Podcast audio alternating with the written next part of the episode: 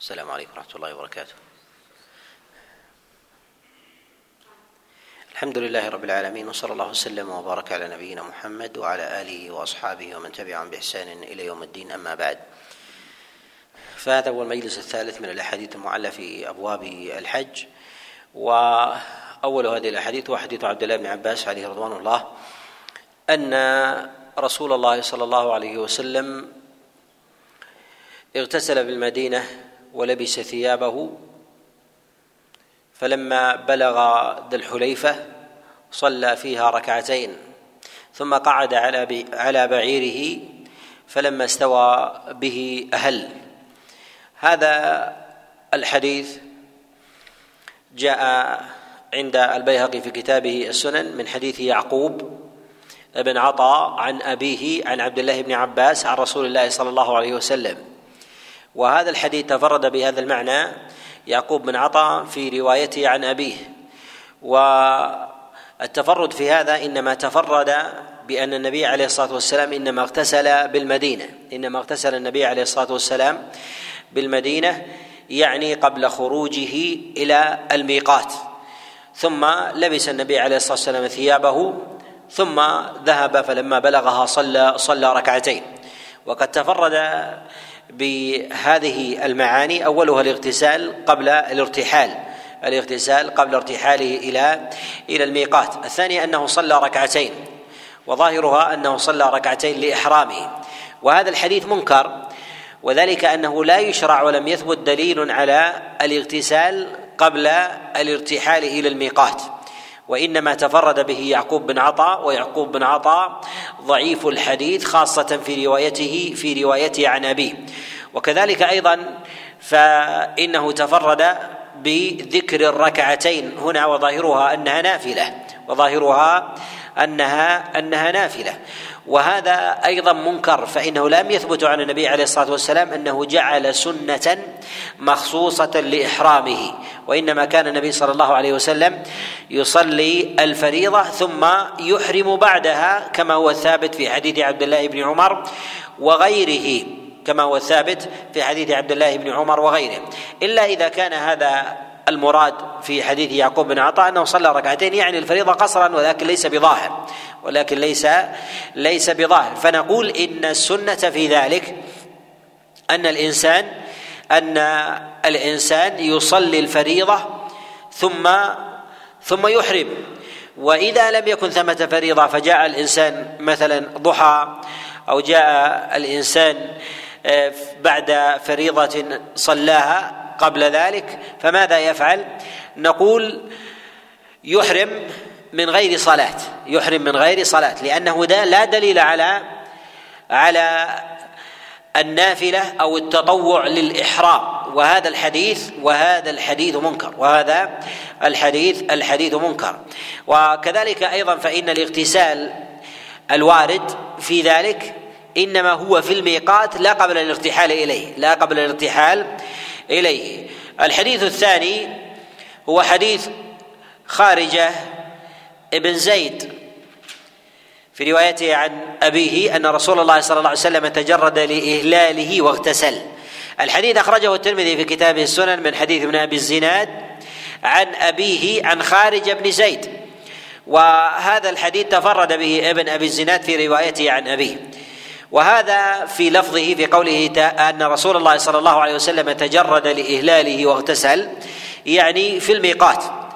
وهذا لم يثبت على النبي عليه الصلاة والسلام أيضا رفعه بالنص وإنما جاء العموم في حديث في حديث آخر من السنة أن يغتسل أن يغتسل المحرم لي لإحرامه. وذكر السنة هنا تحمل على الأغلب أن المراد بذلك هي النبي صلى الله عليه وسلم. وعلى هذا نقول إن الحديث الذي فيه أن النبي عليه الصلاة والسلام اغتسل عينا بالميقات أيضا ضعيف.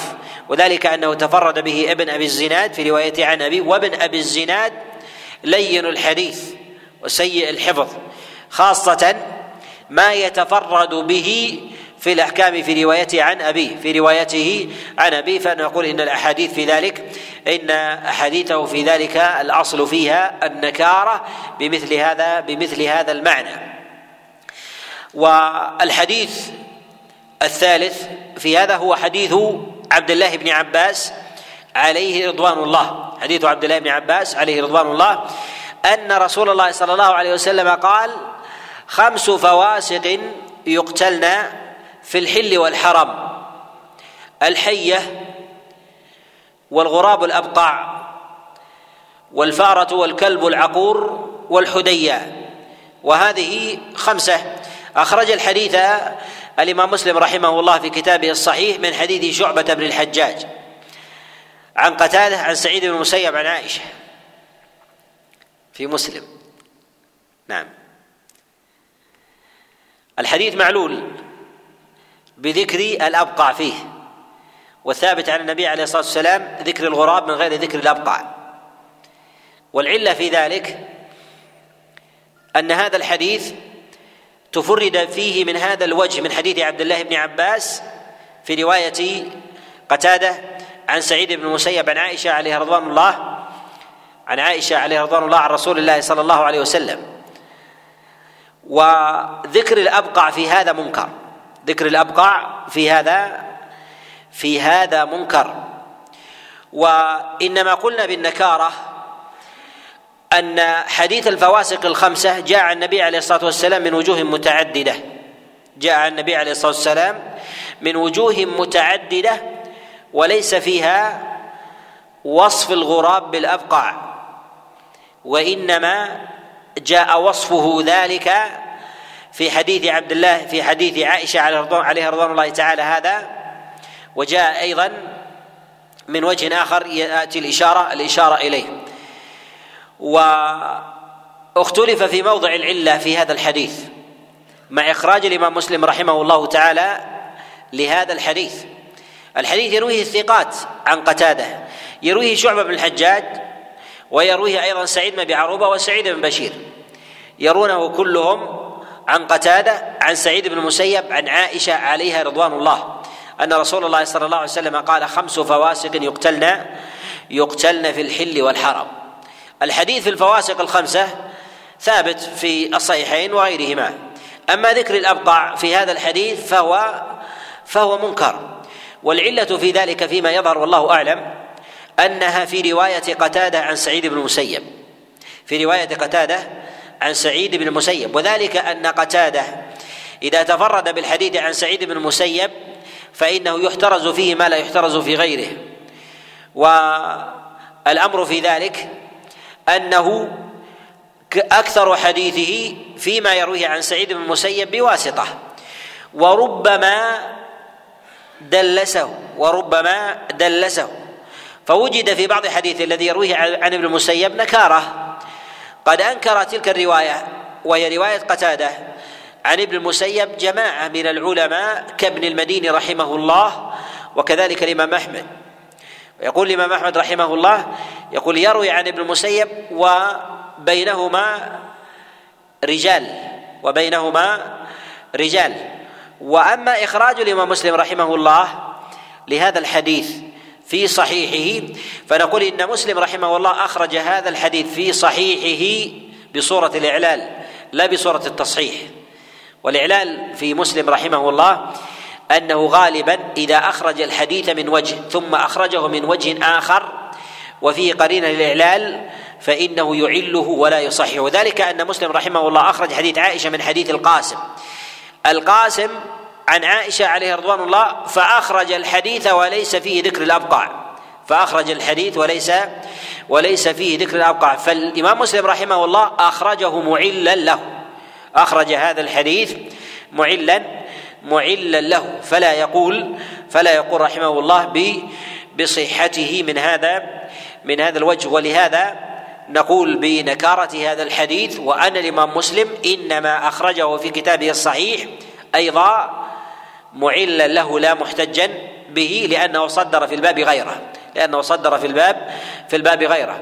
الحديث الرابع هو حديث عبد الله بن عمر عليه رضوان الله وفيه أيضا ذكر الأبقع في الخمس في الفواسق الخمسة. أخرجه ابن حبان في كتابه الصحيح من حديث هشيم بن بشير عن عبيد الله ابن عمر عن نافع عن عبد الله بن عمر ورواه هشيم عن ابن عون أيضا وعن يحيى. وهذا الحديث قد اختلف فيه على هشيم اختلف فيه على على هشيم. فتارة يذكر الأبقع في صفة الغراب وتارة لا يذكر. فجاء في طريق هشيم فيما يرويه بقية بن وهب عن هشيم بهذا الطريق أنه قال النبي صلى الله عليه وسلم خمس فواسق يقتلن في الحل والحرم. خمس فواسق يقتلن في الحل والحرم الحية والغراب الأبقع والكلب العقور والفأرة والحدياء فذكر الأبقع في صفة الغراب فذكر الأبقع في صفة الغراب. هذا الحديث اختلف فيه على هشيم. يرويه وهب ابن بقية ويتابعه آخرون عن هشيم بذكر الأبقع في هذا الحديث. ورواه بعض الحفاظ عن هشيم ولم يذكر الأبقع فيه. أخرجه الإمام أحمد في كتاب المسند عن شيخه هشيم به ولم يذكر الأبقع. وكذلك يرويه يعقوب بن إبراهيم عند النسائي في كتابه السنن عن هشيم ولم يذكر الأبقع الأبقع فيه. وكذلك أيضا فإن هشيما قد توبع في هذا الحديث من غير ذكر الأبقع وكذلك أيضا حديث عبد الله بن عمر قد أخرجه البخاري ومسلم من حديث مالك عن نافع عن عبد الله بن عمر ولم يذكر الابقع فيه. وكذلك أيضا قد جاء في الصحيح في الصحيحين من حديث عبد الله بن دينار عن عبد الله بن عمر ولم يذكر الأبقع فيه. وكذلك أيضا جاء في الصحيح من حديث عبيد الله بن عمر عن عبيد الله عن عبيد الله بن عبد الله بن عمر عن عبد الله بن عمر من غير ذكر الأبقع فيه من غير ذكر الأبقع فيه. ولهذا نقول إن ذكر الأبقع غير محفوظ. فمن أين جاءت هذه الزيادة الأبقع؟ الأظهر والله أعلم أن العرب تتشاءم من الغراب الأبقع فيذكرونه تشاؤما. ولهذا آه، ولهذا يقول آه، يقول عنترة يقول كان بينهم الغراب والأبقع يعني بينهم من الشؤم والحرب ما ما بينهم. فمعلوم في الجاهلية وكذلك أيضا عند العرب في صدر الإسلام التشاؤم من التشاؤم من الغراب الأبقع فربما جرى على ألسنة بعض الرواة. فربما جرى على ألسنة بعض الرواة وليس محفوظ بهذا نعلم أن النص إنما جاء عن رسول الله صلى الله عليه وسلم بتعميم الغراب من غير استثناء لنوع دون نوع أو لنول دون دون لون. وهذا وهذا هو الأظهر. وهذا هو الأظهر في هذا والذي عليه صنيع الحفاظ عليهم رحمة الله ويكفي أن البخاري رحمه الله في كتابه الصحيح تنكب إخراج الروايات في هذا الباب مع عنايته بأحاديث شعبة عن قتادة وكذلك بعنايته بالأحاديث التي تأتي في حديث في حديث نافع عن عبد الله بن عمر فهو من أهل العناية بها ومع ذلك لم يخرج من ذلك من ذلك شيء. الحديث الخامس في هذا هو حديث عبد الله بن عباس عليه رضوان الله أن رسول الله صلى الله عليه وسلم قال أيما غلام أو صبي حج ثم بلغ فعليه حجة أخرى وأيما أعرابي حج ثم هاجر فعليه حجة حجة أخرى وأيما عبد حج ثم أعتق فعليه حجة أخرى. هذا الحديث أخرجه الحاكم في كتابه المستدرك والبيهقي في كتابه السنن من حديث من حديث محمد بن المنهال عن يزيد عن يزيد بن زريع. تفرد به من هذا الوجه محمد بن المنهال عن يزيد بن زريع.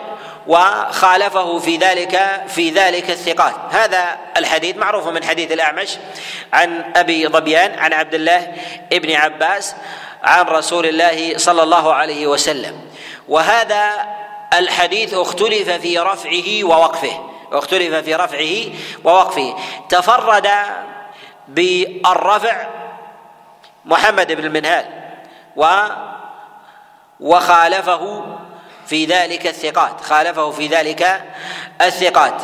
الحديث يرويه جماعة عن الأعمش فقد رواه شعبة بن الحجاج عن الأعمش موقوفا على عبد الله بن عباس عليه رضوان الله.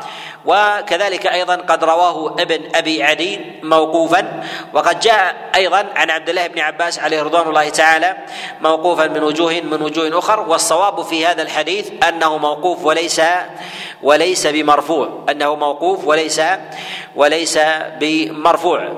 الحديث السادس في هذا حديث عبد الله بن عمر عليه رضوان الله أن رسول الله صلى الله عليه وسلم قال في امرأة لها مال وزوج فأرادت الحج فلم يأذن لها زوجها فقال النبي صلى الله عليه وسلم ليس لها الحج إلا بإذن زوجها. هذا الحديث يرويه حسان بن إبراهيم الكرماني عن إبراهيم الصائغ عن نافع عن عبد الله بن عمر عن رسول الله صلى الله عليه وسلم. الحديث تفرد به حسان ابن إبراهيم الكرماني عن إبراهيم الصائغ ولا يعرف إلا من هذا الوجه ولا يعرف إلا من هذا الوجه. وحسان بن إبراهيم الصائغ وإن كان وإن كان صدوقا أو ثقة في حديثه إلا أن تفرده بمثل هذا الحديث تفرده بمثل هذا الحديث منكر. تفرده بمن؟ عن من؟ عن إبراهيم عن نافع. فلو كان الحديث عند الحديث عند نافع لحفظه أصحابه خاصة أن إبراهيم أن حسان بن إبراهيم كرماني والحديث مخرجه مدني والحديث مخرجه مدني. فينبغي أن يوجد وأن يحفظ عند أهل المدينة ينبغي أن يوجد وأن يحفظ عند أهل المدينة. فلما تفرد به من هذا الوجه دل على نكارته. ومن القرائن أيضا التي يعلم بها تفرد الراوي بالحديث أن ينظر في حديثه فإذا كان لهذا الراوي من الحديث الذي يتفرد به دون غيره دل على عدم ضبطه دل على عدم ضبطه. ومن ذلك ما يتفرد به حسان بن إبراهيم الكرماني عن عبد العزيز بن أبي رواد. تفرد بحديث أن النبي عليه الصلاة والسلام كان يبعث إلى المطاهر مواضع المسلمين يتبرك بها. وهذا الحديث حديث منكر. هذا الحديث حديث حديث منكر قد أخرجه الطبراني في كتابه المعجم. وهذا مع نكارة مع نكارة اسناده من جهة التفرد. كذلك أيضا منكر من جهة المتن منكر من جهة من جهة المتن وذلك لأن النبي عليه الصلاة والسلام لا يتبرك بمواضع أحد لا يتبرك النبي عليه الصلاة والسلام بمواضع أحد وذلك لأنه لا خصيصة لأحد عند رسول الله صلى الله عليه وسلم في هذا الباب وإنما هي الخصيصة لرسول الله صلى الله عليه وسلم في آه، عند عند الناس فإنهم كانوا يتبركون ويتيمنون به عليه الصلاة والسلام وبوضوئه وبزاقه كما كما جاء كما جاء في الصحيح وبهذا نعلم أن الراوي إذا تفرد بحديث وله نظائر في النكارة فيما يتفرد به أن هذا قرينة هذا قرينة على عدم ضبطه قرينة على عدم على عدم ضبطه وهذا الحديث حديث حديث منكر. الحديث السابع نعم. الحديث السابع هو حديث عبد الله ابن عباس عليه رضوان الله أن رسول الله صلى الله عليه وسلم قال من لم يجد النعلين فليلبس الخفين وليقطعهما إلى الكعبين. هذا الحديث أخرجه النسائي في الكبرى من حديث إسماعيل بن مسعود. عن يزيد بن زريع عن أيوب عن عمرو بن دينار عن ابن زيد عن عبد الله بن عباس. هذا الحديث ذكر القطع في حديث عبد الله بن عباس إلى الكعبين منكر. ذكر القطع في حديث عبد الله بن عباس منكر.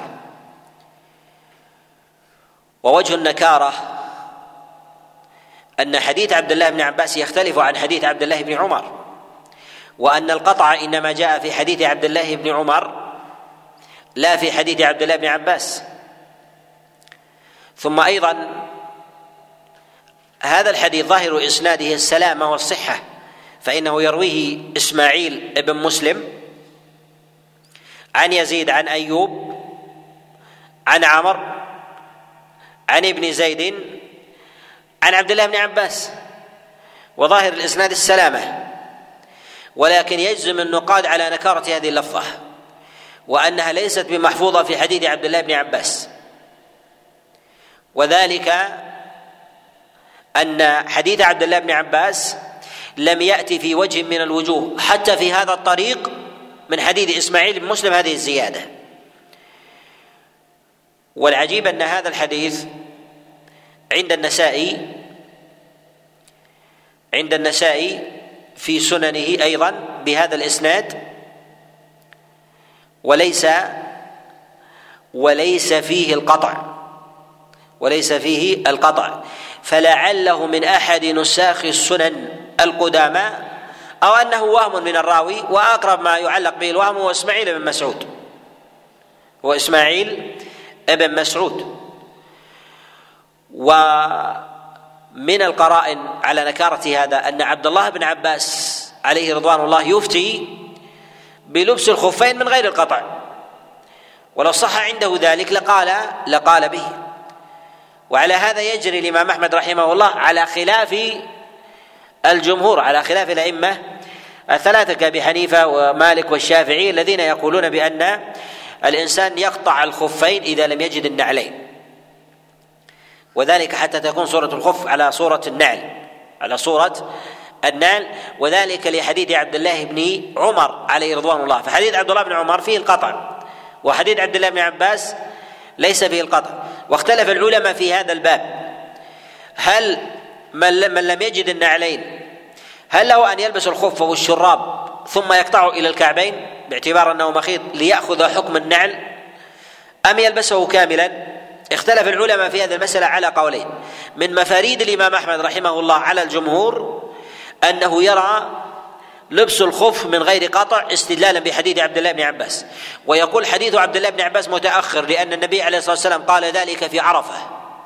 وأما عبد الله حديث عبد الله بن عمر قاله النبي عليه الصلاة والسلام قبل ذلك إما في المدينة أو عند إحرامه. وحديث عبد الله بن عباس ناسخ لحديث عبد الله بن عمر. لحديث عبد الله بن عمر. وجمهور العلماء يرون خلاف ذلك ويجعلون أن الإطلاق في حديث عبد الله ابن عباس يخصصه حديث عبد الله بن عمر. ولكن الإمام أحمد رحمه الله يرد هذا من وجوه. الوجه الأول أنه ثبت عن عبد الله بن عباس وهو راوي الحديث الأخذ بعموم الحديث لا بتقييده. الأمر الثاني أن حديث عبد الله بن عباس متأخر متأخر عام. ومعلوم أن المخصص ينبغي أن يكون متاخرا لا أن يكون متقدما. وذلك أن حديث عبد الله بن عمر وهو المخصص ثم يأتي عام بعده أن الأصل أن التخصيص يأتي بعد العام. فإذا علم التاريخ أن العام جاء بعد الخاص فإن العام ناسخ لذلك الخاص. بخلاف إذا كان الخاص متأخر على العام فإن الخاص يعتبر مخصصا للعام لا ناسخا له. إلا على قول من يقول من الأصوليين أن إن النسخ إن التخصيص نوع من أنواع النسخ. وهذا يجري في كلام جماعة أيضا من السلف في عرف بعض المفسرين وكذلك أيضا في بعض في بعض كلام كلام الفقهاء.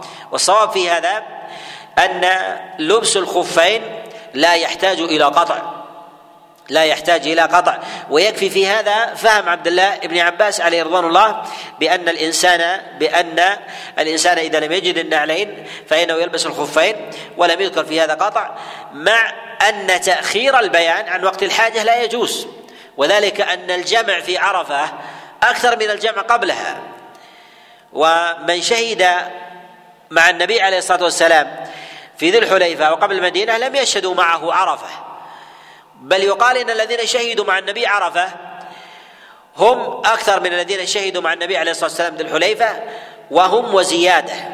والأولى أن يكون التخصيص في عرفة لا أن يكون لا أن يكون في المدينة أو أو في ذل في ذو الحليفة فدل على أن حديث عبد الله بن عباس مأخوذ على عمومه. أن حديث عبد الله بن عباس مأخوذ على على عمومه.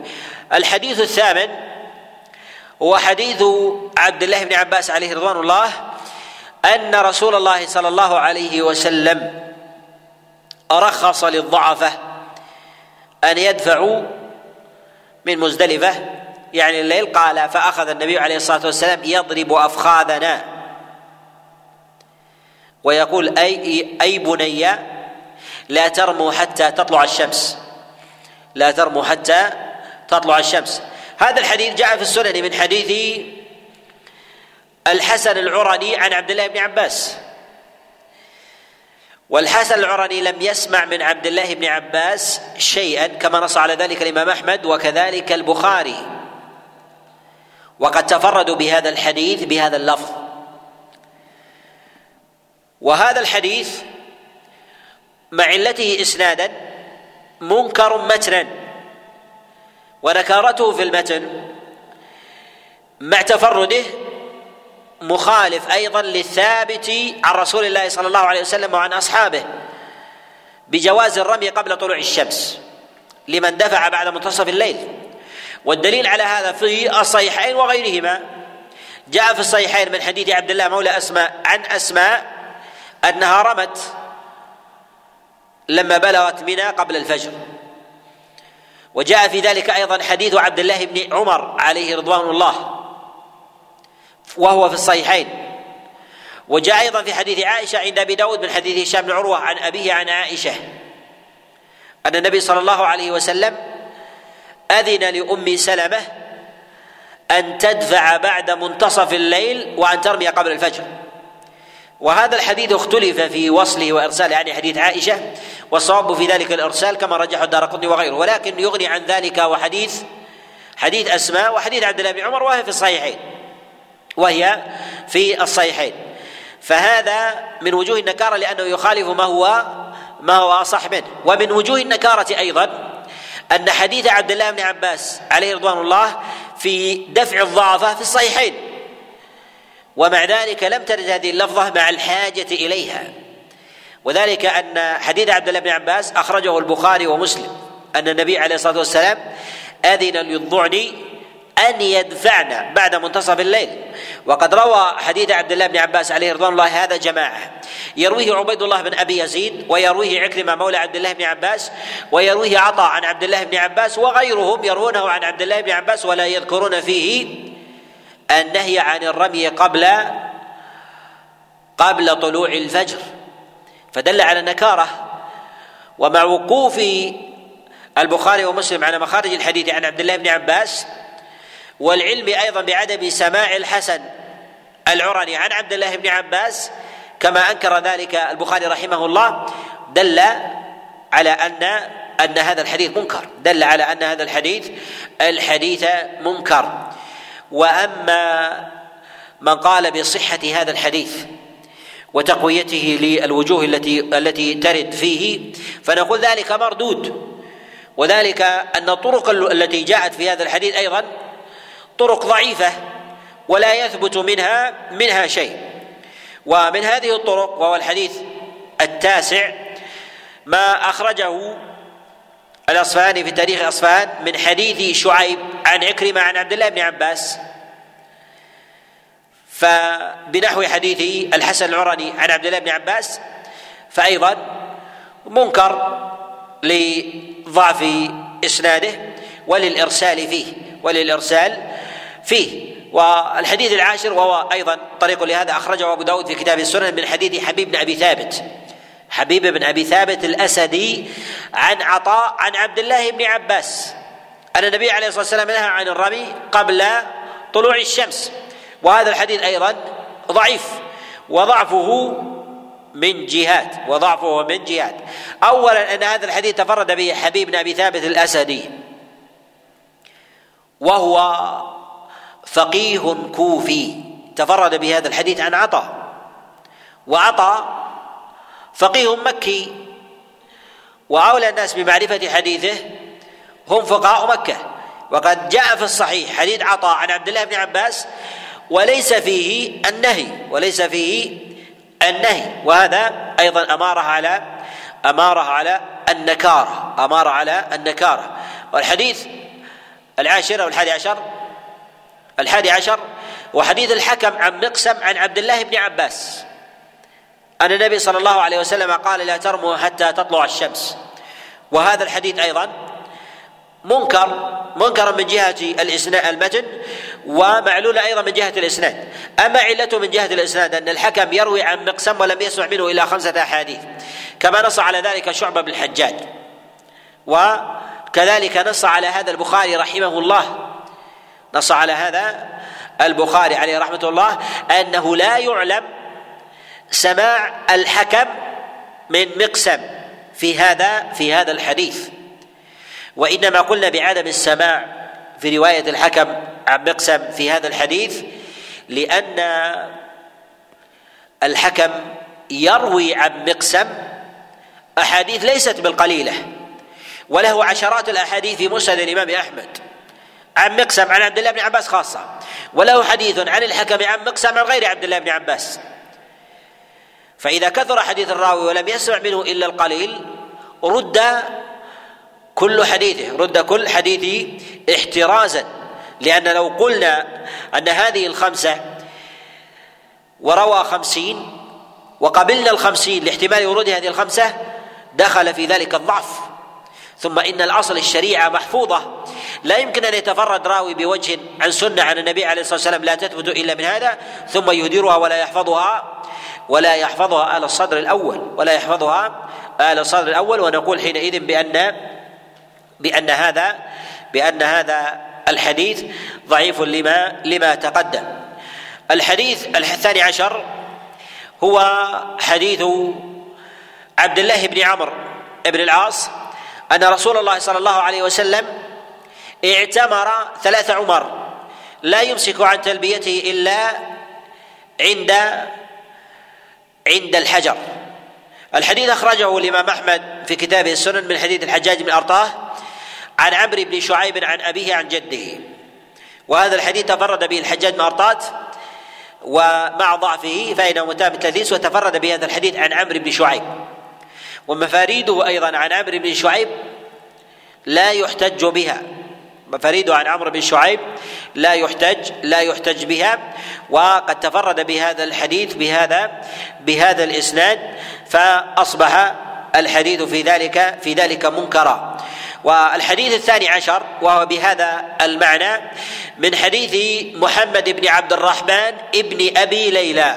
حديث محمد بن عبد الرحمن ابن أبي ليلى. عن عطاء عن عبد الله بن عباس. أن رسول الله صلى الله عليه وسلم لم يمسك عن تلبيته إلا إلا عند البيت أو عند الحجر. وهذا الحديث تفرد به محمد بن عبد الرحمن بن أبي ليلى. ومحمد بن عبد الرحمن بن أبي ليلى فقيه كوفي فقيه كوفي. ويجله العلماء إلا أنه لين في حفظه مع عنايته بالفقه. كذلك أيضا فإنه تفرد بهذا الحديث عن عطاء.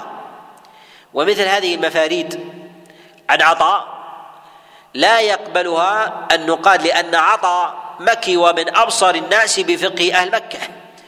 وأبصر الناس بفقه أهل مكة. ثم أيضا ثمة قرينة في هذا أن أهل الآفاق وتقدم معنا الإشارة إلى هذا المعنى أن أهل الآفاق والمراد من ذلك سواء كانوا الكوفيين أو البصريين أو كانوا الشاميين أو غير ذلك ربما يرفعون الحديث الذي يبلغهم من عمل الخلفاء أو فقهاء الصحابة لأنهم يغلبون الظن أن هذا لا يقال من قبيل الرأي فيرفع فيرفع إلى إلى النبي عليه الصلاة والسلام. وهذا يظهر عند الكوفيين. هذا يظهر عند الكوفيين. تقدم معنا الإشارة إلى هذه المسألة وهذه القرينة في بعض المواضع. تقدم معنا في بعض المواضع. منها ما يتعلق بقنوت الوتر. تقدم معنا في قنوت الوتر. الإشارة إلى إلى هذا المعنى. فهذا ربما علموا أن هذا جاء عن عبد الله بن عباس من فعله فرفعوه. ويؤيد هذا أنه جاء عن عبد الله بن عباس أنه لا يمسك عن التلبية إلا عند الحجر موقوفا عليه أنه روى ابن أبي نجيح عن مجاهد عن عبد الله بن عباس أنه كان إذا اعتمر لا يمسك عن التلبية إلا عند الحجر وهذا وهذا موقوفا عليه فربما حملوا هذا الحديث على الرفع حملوا هذا الحديث على الرفع. فربما حدث محمد بن عبد الرحمن بن أبي ليلى بهذا الحديث عن عطاء فسمعه من عطاء عن عبد الله بن عباس موقوفا فرفعه. فغلط في ذلك. فغلط في هذا. وعلى كل نقول إن الإسناد إذا كان فيه راو ضعيف سواء كان مرفوعا أو موقوفا الأصل فيه الأصل فيه الرد. الأصل فيه الرد. الحديث الثالث عشر أخرجه الطبراني من حديث ليث بن أبي سليم عن طاووس بن كيسان عن عبد الله بن عباس أنه كان إذا اعتمر يلبي حتى يستلم الحجر. وهذا الحديث تفرد به ليث بن أبي سليم عن طاووس. وكذلك أيضا يقال فيه ما ما سبق. فمع ضعف ليث بالاتفاق تفرده بهذا الوجه عن طاووس أيضا مما يستنكر مرفوعا مما يستنكر مرفوعا.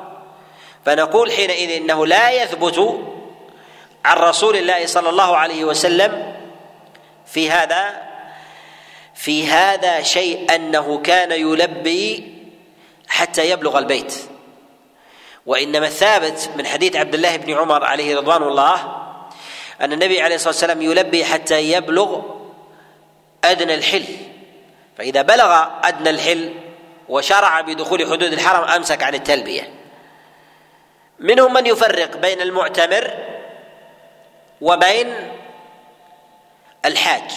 فيقول حديث عبد الله بن عب... بن عمر في الحج وحديث عبد الله بن عباس في العمرة. نقول نعم. حديث عبد الله بن عباس في العمرة وحديث عبد الله بن عمر في الحج. ولكن لو صح حديث عبد الله بن عباس لقلنا باختلاف الحكمين باختلاف الحكمين. ولكن نقول إن فعل عبد الله بن عباس في ذلك هو في العمرة لكنه موقوف. وحديث عبد الله بن عمر في الحج وهو مرفوع وهو وهو مرفوع. ومعلوم أن الصحابة عليهم رضوان الله كانوا يحجون بعد ذلك مع كانوا يحجون بعد رسول الله صلى الله عليه وسلم متمتعين يعني معتمرين. وعبد الله بن عمر إنما جاء فنزل قبل الحرم واغتسل وأمسك عن التلبية ثم ذكر النبي عليه الصلاة والسلام يفعل ذلك. وظاهرهم الغالب من أحوالهم أنهم كانوا يتمتعون. إذا كان متمتعا فهو معتمر فهو فهو معتمر. والامساك في هذا يخالف الموقوف عن عبد الله بن عباس ولهذا نقول إن الأصل في في التلبية أنه يمسك عند حدود الحرم عند حدود الحرم وليس عند البيت وليس عند البيت فإذا قارب دخول الأعلام فإنه يمسك عن التلبية ثم يستمر ويذكر الله عز وجل بما شاء من أذكار. نتوقف بهذا القدر ونكمل بإذن الله تعالى. في يوم الجمعة عشاء. وبالله التوفيق وصلى الله وسلم وبارك على نبينا محمد.